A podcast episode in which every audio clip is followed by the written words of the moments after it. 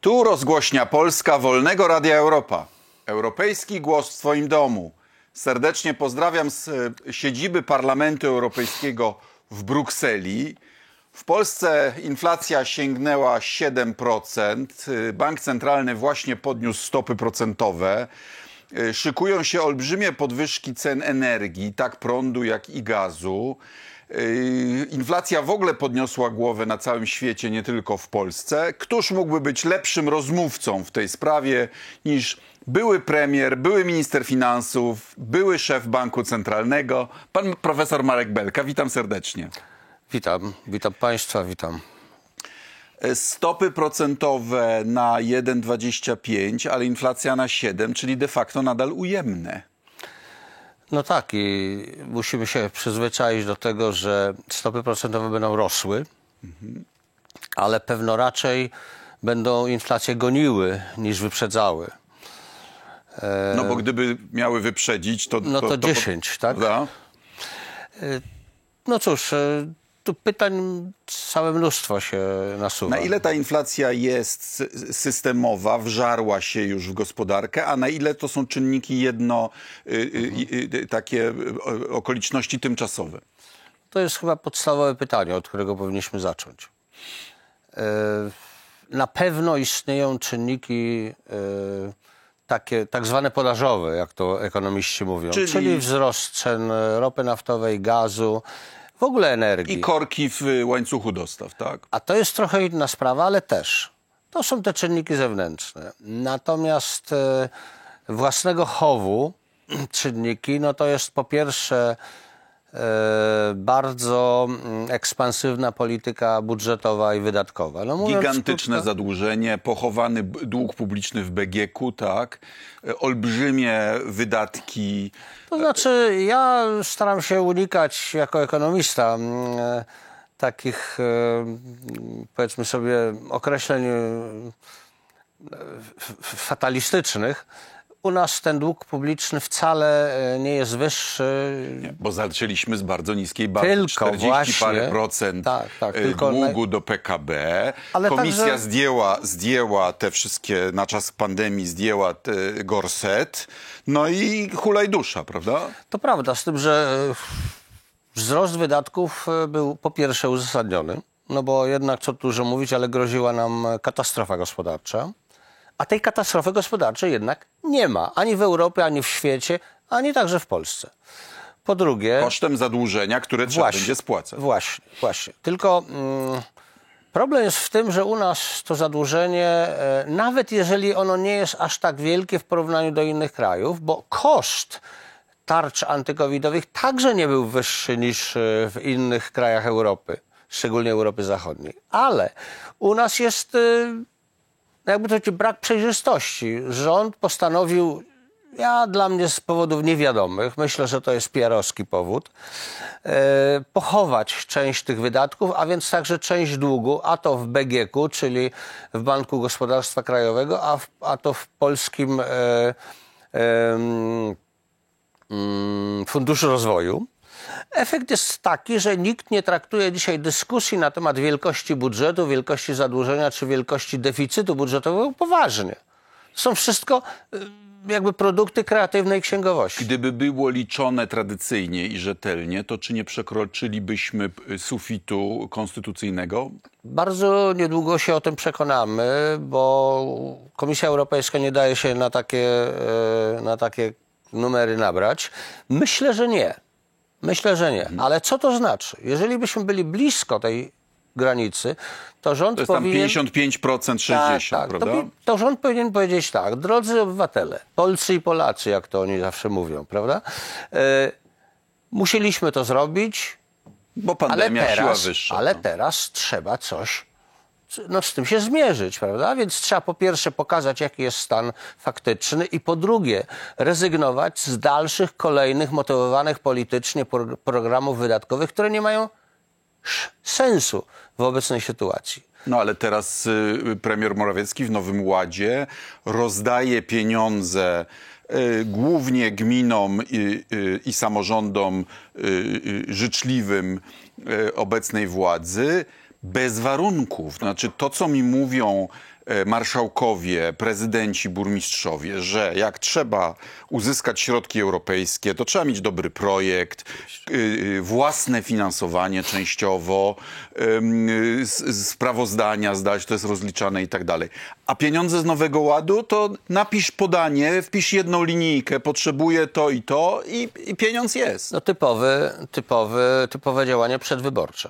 Typowe działanie, y, tak bym powiedział, no, mm, no to, to taka kiełbacha wyborcza by było Znaczy, pisał najbardziej... o tym y, y, już przed wojną polski ekonomista Kalecki, który odkrył y, nie tylko cykl keynesowski, ale że na ten cykl keynesowski nakłada się jeszcze cykl polityczny. Że y, 18 miesięcy przed wyborami politycy chcą mieć niskie stopy procentowe, a duże wydatki, prawda?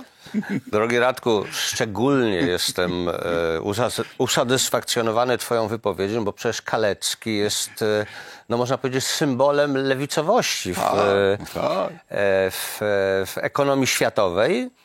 Nawiasem mówiąc, chyba był najwybitniejszym polskim ekonomistą w historii. Prawie nieznany w Polsce, prawda? Ja o Kaleckim Może usłyszałem na Oksfordzie. A no właśnie, może dlatego, może dlatego, że właśnie lewicowy, a lewicowość u nas się kiepsko sprzedaje, a on był po prostu wybitnym ekonomistą, który rozumiał to, co się dzieje w gospodarce i na styku gospodarki i polityki. Dzisiaj miałby bardzo wiele do powiedzenia. A więc wracając do inflacji.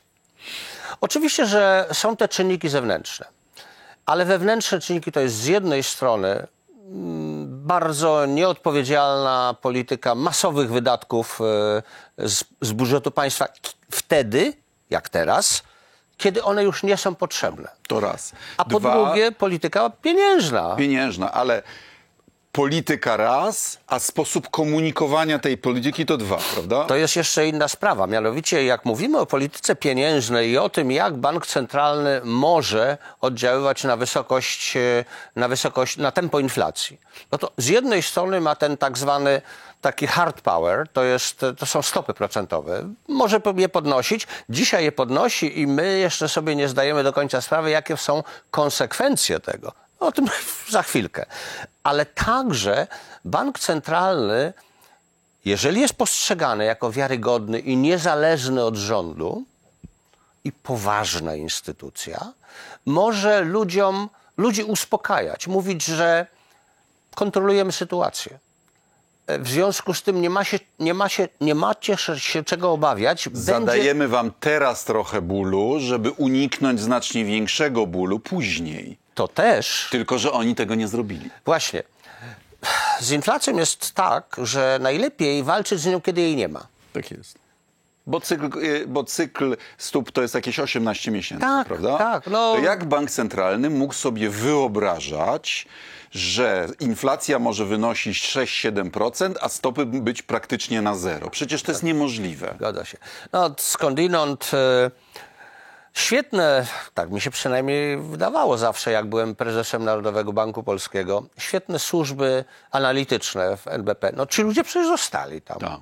No więc dlaczego takie no, kompromitujące, nie, kompromitująco nietrafione projekcje inflacji Mam swoją teorię na ten temat. Wiem i... Ale to Znaczy, proponuję, żeby potrzeba to, przy- żeby, żebyś to ty roz, roz, Moja teoria jest rozwinął, a nie ja. Prezesowi Glapińskiemu wydawało się, że uda mu się utrzymać prawie zerowe stopy procentowe do wyborów i w ten sposób e, zadowoli e, prezesa Kaczyńskiego. Szczególnie, że oficjalnie mówisz, że chce powtórzyć kadencję. Tak. Albo Więc- przynajmniej do wyborów na, na drugą kadencję, prawda? Czyli to jest krótsze, to jest w ciągu Tak, sześciu to miesięcy. Tak, tak, tak. No więc e, cóż, e, to, po, to poczucie w społeczeństwie, że bank centralny jest instytucją niezależną od rządu, e, prysło. Tak.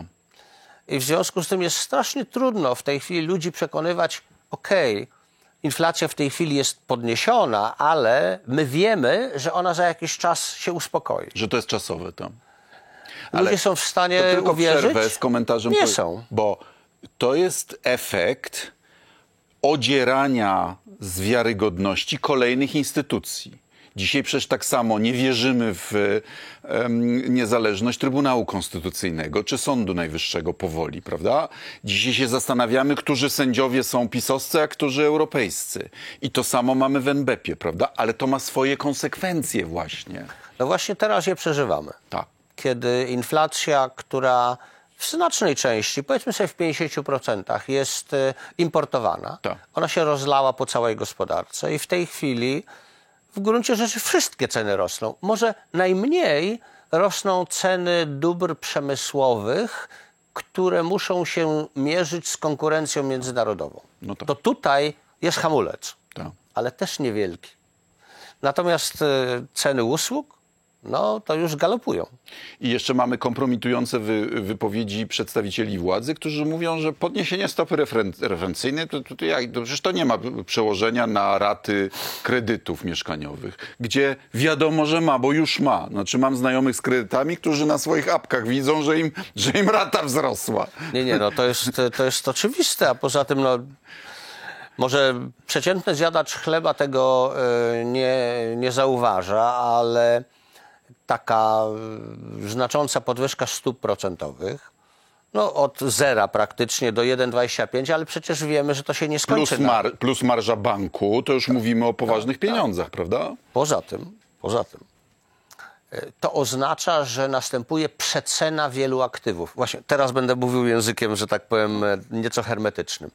E, Wiele instytucji, nie tylko banki, ale także instytucje ubezpieczeniowe, ale w ogóle wiele instytucji Mają obligacje. Mają obli- to, to Ich wartość, się, ich wartość spada. Jak gwałtownie spada. Trzeba powiedzieć, gwałtownie spada. I one muszą dostosowywać jakoś portfel aktywów. Między innymi, najbardziej bolesne dla gospodarki, obniżenie skłonności do udzielania kredytów. Na razie gospodarka nie odczuwa tego tak boleśnie, bo jest wielka nadpłynność. Tarcze covidowe, ale to się skończy. I gospodarka jest rozgrzana do czerwoności. Nie można znaleźć wykonawców, są, Zgadza są różne, e, różne zatory. Ale dla obywatela sytuacja jest w tej chwili taka, że właśnie mu wzrosła cena kredytu, a e, ceny materiałów budowlanych na dom czy dla dewelopera na mieszkanie też wzrosły. To jemu się o- rozwierają nożyce, bo y, y, kredyt może nie wystarczyć na budowę czy na dokończenie mieszkania, y, stał się droższy. Ym, no i to, co mu pozostanie na konsumpcję po ewentualnym zapchaniu tej dziury, tego brakującego, y, będzie mniej. To prawda. Dochodzimy do innego, bardzo ciekawego problemu, który jest rzadko dyskutowany. Mianowicie, kiedy świat wpadł w pandemię i zaczął się przed nią bronić, no to oczywiście takim klasycznym sposobem to było dostarczanie dużej ilości płynności, czyli jak to Ale to już jest trzecia fala Tak, ale dostarczania dla- płynności. tak, znaczy ale- świat wariuje pod tak, tym ale ja to, względem. ale y, to jest tylko wstęp do następującego stwierdzenia. Ym, wielu ostrzegało, że to wywoła nam znaczną inflację. No, Mhm. ale przez jakiś czas nie wywołało, w związku z tym było samo uspokojenie. Bo rynki nie miały gdzie zainwestować aktywnie. Ale teraz zaczyna się pojawiać bardzo duża presja inflacyjna w, no, w wielu krajach. W wielu krajach, ta, nie tylko w Polsce, ale w Polsce więcej niż, niż gdziekolwiek, czy, czy w wielu innych krajach. I teraz tak.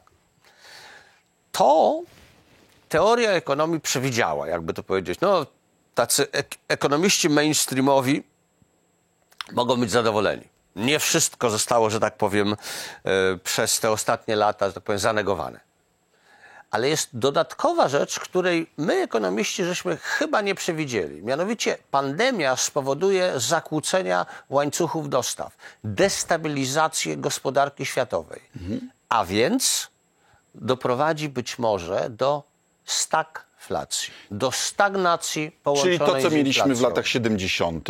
i te pierwsze objawy wtedy w latach 70. to też był wzrost cen ropy, y, niby, y, niby tymczasowe czynniki, ale jak już się raz na, nakręciły oczekiwania inflacyjne, to potem trzeba było drastycznych środków, żeby Właśnie. te oczekiwania y, y, inflacyjne zdusić, a to doprowadziło do recesji, czyli stagnacja i inflacja jednocześnie. No więc tak to było w Stanach Zjednoczonych, gdzie inflacja sięgnęła 13%. A stopy procentowe ale w powyżej Wielkiej tego, Ale prawda? w Wielkiej Brytanii, przecież tak bliskie ci, 25. A. A kto powiedział, że w Polsce nie ma inflacja sięgnąć dwucyfrowego poziomu? A. No, dwucyfrowy to jest na szczęście tylko 10%. Ja nie chcę y, jakby doli, dolewać No oliwy do niektórzy ognia. przy- przedstawiciele władzy prze- przebąkują, że to jest wyobrażalne. No właśnie, tylko 10% inflacja, jeżeli takowa miałaby być, mam nadzieję, że unikniemy tego, ale jeżeli taka miałaby być, to to nie powstrzyma przedsiębiorców od podnoszenia cen, a robotników, pracowników od żądania pod, podwyżek płac uzasadnionych z ich punktu widzenia, ale z punktu widzenia spirali cenowo-płacowych bardzo niebezpieczna. Jak inflacja że- 10%, to żeby zdusić, y, stopy będą musiały być 11-12, to będzie miało katastrofalny skutek na ceny aktywów, ale nie tylko finansowych, także realnych. Y, Przecież jeżeli ludzie będą mieli wreszcie stopy procentowe, no to przestaną inwestować w nieruchomości, w antyki, w różne inne rzeczy, co oznacza, że ich cena gwałtownie spadnie. No tak. yy, oczywiście, że to spowoduje gwałtowny wzrost e, stóp procentowych, ale przede wszystkim, mam nadzieję, spowoduje otrzeźwienie w polityce e, budżetowej czy fiskalnej. Znaczy, to nie jest czas, kiedy pod, żeby podnosić wydatki państwa. Tym bardziej, że, że Szczególnie te, które są nastawione na konsumpcję. idzie perspektywa wyższych stóp, a co za tym idzie wyższych kosztów obsługi zadłużenia. Już w tej chwili to obserwujemy. Już w tej chwili i to nie od I to będzie tygodni. wyciskało środki z budżetu, tak? Y, Taką miarą kosztu obsługi naszego zadłużenia jest różnica w oprocentowaniu między naszymi obligacjami dziesięcioletnimi, a takimi samymi obligacjami e, niemieckimi, czyli tak zwanymi bundami. No ja pamiętam, kiedy ja Było byłem... już bardzo blisko, prawda? Tak, to było poniżej 100 albo lekko powyżej 100 punktów Ja bazowych. pamiętam moment, w, chyba to był 2013 rok, gdy ubezpieczenie naszych obligacji skarbowych było tańsze niż francuskich. Znaczy Polska miała taką wiarygodność. No już nie powiem, że prawda i tak dalej. Mieliśmy jakiś wpływ na to. Natomiast dzisiaj to jest 300 kilkadziesiąt punktów bazowych i codziennie rośnie. Wow. Codziennie rośnie. No, ja pamiętam, jak wybuchł kryzys grecki, czy, czy, czy problemy Berlusconiego we Włoszech, no to polegały to na tym, że różnica w oprocentowaniu ich obligacji, czyli kosztu obsługi długu publicznego Rynek uznał, że ryzyko jest większe niż się wydawało. było, było w granicach 400 punktów. Tak. No, takiej sytuacji można się zastanowić, czy nie byłoby nam lepiej w Unii Europejskiej, w, w strefie euro. Chciałbym do tego dojść, ale mamy kraj, który w takiej y, w, i w autorytaryzmie, i w niszczeniu instytucji, i w takiej, jak się kiedyś pięknie nazywało, wolontarystycznej polityce y, gospodarczej Pamiętam, jest, pamiętam. prawda, jest, wyprzedza nas o dobrych parę lat. Mianowicie Turcja. Turcja. Oczywiście. Turcja, gdzie to się skończyło załamaniem kursu liry. Dlatego można tak tanio do Turcji teraz jechać na wakacje, Tak, prawda? oczywiście, oczywiście. Dlaczego jeszcze nie ma efektu na złotówce? Yy, Jeszcze. bo nawet w Turcji to trwało bardzo no, sporo lat. Ja pamiętam e, w 2012, 13, 14 roku, w tych czasach, kiedy uczestniczyłem w posiedzeniach e, Banku Światowego i IMF-u, czyli Międzynarodowego Funduszu Walutowego, i pamiętam taką sesję organizowaną przez e, przez jeden z wielkich banków e, komercyjnych. I z jednej strony był mój kolega, szef banku centralnego tureckiego i, i ja. Oczywiście on próbował jakoś tam bronić e, tej polityki tureckiej, ale widać, że nie dość zdecydowanie, bo go niedługo potem Erdoğan wywalił na zbity pysk, można powiedzieć. Zresztą Er- I Erdogan osobiście decydował o niskich stopach procentowych. Tak, no więc prawda? to jest, e, no to jest po prostu katastrofa. I dzisiaj e, Turcja żyje z e, tych kilkunasto, sto, ze stopami procentowymi kilkunastoprocentowymi, inflacją rzędu chyba już też blisko 20%. Jest przy tym strasznie uzależniona od napływu kapitału zagranicznego. Aha. Od tego, że ten, raczej inaczej, nie od napływu, od tego, żeby on nie odpłynął. Tak. No i te wysokie stopy procentowe trzymają ten kapitał zagraniczny. My jesteśmy stosunkowo mniej zależni od tak zwanego kapitału portfelowego, czyli, czyli kapitału Inwestycji finans, czysto finansowych. tak, czysto finansowego. To jest akurat korzystna rzecz. Myślę, że w ogóle w dalszym ciągu, do, do, a w każdym razie do chwili obecnej albo do zupełnie niedawna, myśmy korzystali z takiego wizerunku kraju bardzo bliskiego Unii Europejskiej. I kraju, który o, wpisał limit zadłużenia do konstytucji. A, ja w Niemczech słuchałem. Wow, my się dopiero nad tym zastanawiamy, a wy już macie. Wow, polnische Wirtschaft. Mm, mm. No więc właśnie, Polnische Wirtschaft dla młodych Niemców dzisiaj to jest, e, to jest, e, to jest e, synonim dobrej gospodarki. I też odpowiedzialnych finansów, ale, to się, ale, to się, ale to się niestety kończy. Przypomnijmy naszym słuchaczom, na czym polegał zupełnie inny w swojej istocie kryzys Grecji. Jeśli ja się mogę pokusić, to na tym, że oni oszukali statystyki narodowe, wchodząc do strefy euro, de facto nie byli gotowi. Potem, będąc w strefie euro przez dobrą dekadę, jechali na wiarygodności całej strefy euro, w szczególności Niemiec, bardzo niskie stopy procentowe. Zadłużali się. Te pieniądze wydali na zbrojenia, na konsumpcję zamiast na realną y, gospodarkę. Po czym, gdy po kryzysie finansowym rynek zaczął prawdziwie wyceniać ryzyko związane z różnymi obligacjami, wyszło im, że jednak greckie są bardziej ryzykowne, zaczęły domagać się od Grecji większych stóp. No i Grecja miała do wyboru albo zacząć reformy, albo wypaść ze strefy euro. I, I to jest moim zdaniem kluczowe, żeby pamiętać, że Grecji, Grecy przeszli przez dekadę męczarni po to, żeby zostać w strefie euro. Dokładnie. I e, w Grecji akceptacja dla euro jest e, bodaj najwyższa wśród krajów strefy euro. Bo oczywiście mogli tej, tego, y, tego, tej wewnętrznej dewaluacji uniknąć, wychodząc ze strefy euro, dewaluując swoją walutę, tylko to by oznaczało, że oszczędności wszystkich Greków wartość by spadła o połowę albo więcej, Albo, prawda? dokładnie tak. I dlatego też e, to jest charakterystyczne, że w krajach e, słabszych, które mają trudności utrzymania się w jednej strefie walutowej z Niemcami, Holandią, no mówiąc krótko, to tam poparcie dla euro jest bardzo wysokie wśród ludzi. Bo euro jest bezpieczną, y, bezpieczną y, pełni jedną z funkcji pieniądza w bezpieczny Tak, to jest sposób. taka kotwica. Kotwica, ale też i store of value, czyli po naszemu no, taką bezpieczną skarbonką. Tak, tak, tak, tak. No więc e, to możemy już przejść do Polski chyba, prawda? Ale zatrzymajmy się przy strefie euro, bo wtedy, gdy Tusk mówił, że może byśmy weszli, to było w 2008 Ósmym, dokładnie ósmym pamiętam roku, kiedy. prawda? Że może do 2013 byśmy weszli. Do 11. Y, No, na to chyba nie było szans, bo trzeba. y, Była, była. Była? Y, Ale nie byliśmy jeszcze w wężu walutowym. Więc z tym wężem to jest jeszcze inna sprawa. Gdybyśmy my wtedy. Aha.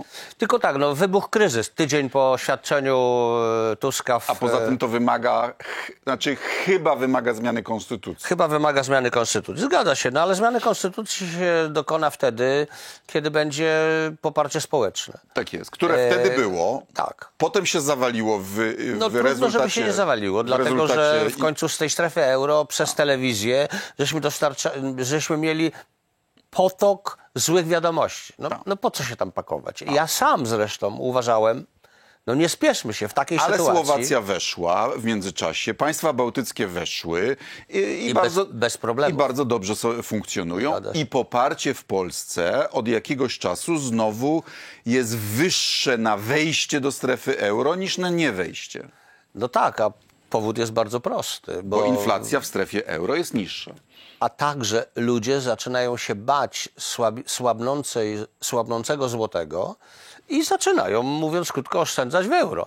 Ludzie mają dosyć proste, e, że tak powiem, przekonanie. Jak jest waluta mocniejsza, no to trzeba do niej uciekać. Jak ja y, z książką czy na spotkaniach z wyborcami rozmawiam o euro, to ja wyczuwam, y, y, czy do niedawna wyczuwałem, następujący niepokój. Że jak wejdziemy do strefy euro, to pensje będą takie jak w złotówkach, a ceny takie jak Nie, w no, euro. to jest- I to oczywiście- Tak. to To, jest jest to jest argument, który dla mnie jest tak bezsensowny, że właśnie ja mam trudności z... Ale rozbierzmy, bo, bo ludzie tak. Tak. to czują. No tak. E, Bo jeszcze, jeszcze pokutują te historie o tym, jak to w, we Włoszech czy w Grecji windowano w, ceny w górę, tak? Więc zacznijmy od tego, że w strefie złotego ani pensje, ani ceny nie są w, ca- na, w całej Polsce identyczne. Inaczej kosztuje kawa w Warszawie, a inaczej u mnie w Nakle nad Notecią. Ale też inaczej się w Warszawie zarabia i inaczej się zarabia, czyli e, i, i przecież czy to piekarz, czy fryzjer do, do, do, do em, ceny swoich usług e, dostosowują do tego, co rynek wytrzyma, a nie w jakiej walucie one są Nie, no, a wyrażone. Tym, a poza tym przejście na euro oznaczałoby takie, bym powiedział, mechaniczne e, podzielenie zarówno naszych cen, jak i naszych płac, no na przykład przez cztery. Tak, w zależności od kursu, Czyli jak przyjmie. ktoś zarabia 4000 zł, to by zarabiał 1000 euro. Tak jest. Jak dzisiaj płaci za chleb, wiem, że to jest y, 4 zł, a można zapłacić i 2 zł i 12 zł, albo nawet 22, ale załóżmy, że 4 zł, to zapłaci 1 euro. 1 euro. Ale Czyli ja dokładam, krótko, ja agitując jeszcze do, y, dokładam i, i jedną informację, y, bo chyba mam rację, że w dniu wejścia do strefy euro wszystkie nasze kredyty byłyby przewalutowane na euro i od, według stóp procentowych eurowych. i od tego momentu zaczęlibyśmy płacić stopę procentową w euro, niższą niż w złotówce. To prawda. E, więc to by było korzystne i dla firm, e, i dla gospodarstw domowych. To prawda, ale absolutnie tak. E, Nawiasem mówiąc, ekonomiści wręcz się by obawiali czegoś takiego, bo to by oznaczało no, gwałtowne przyspieszenie dla gospodarki. Tak.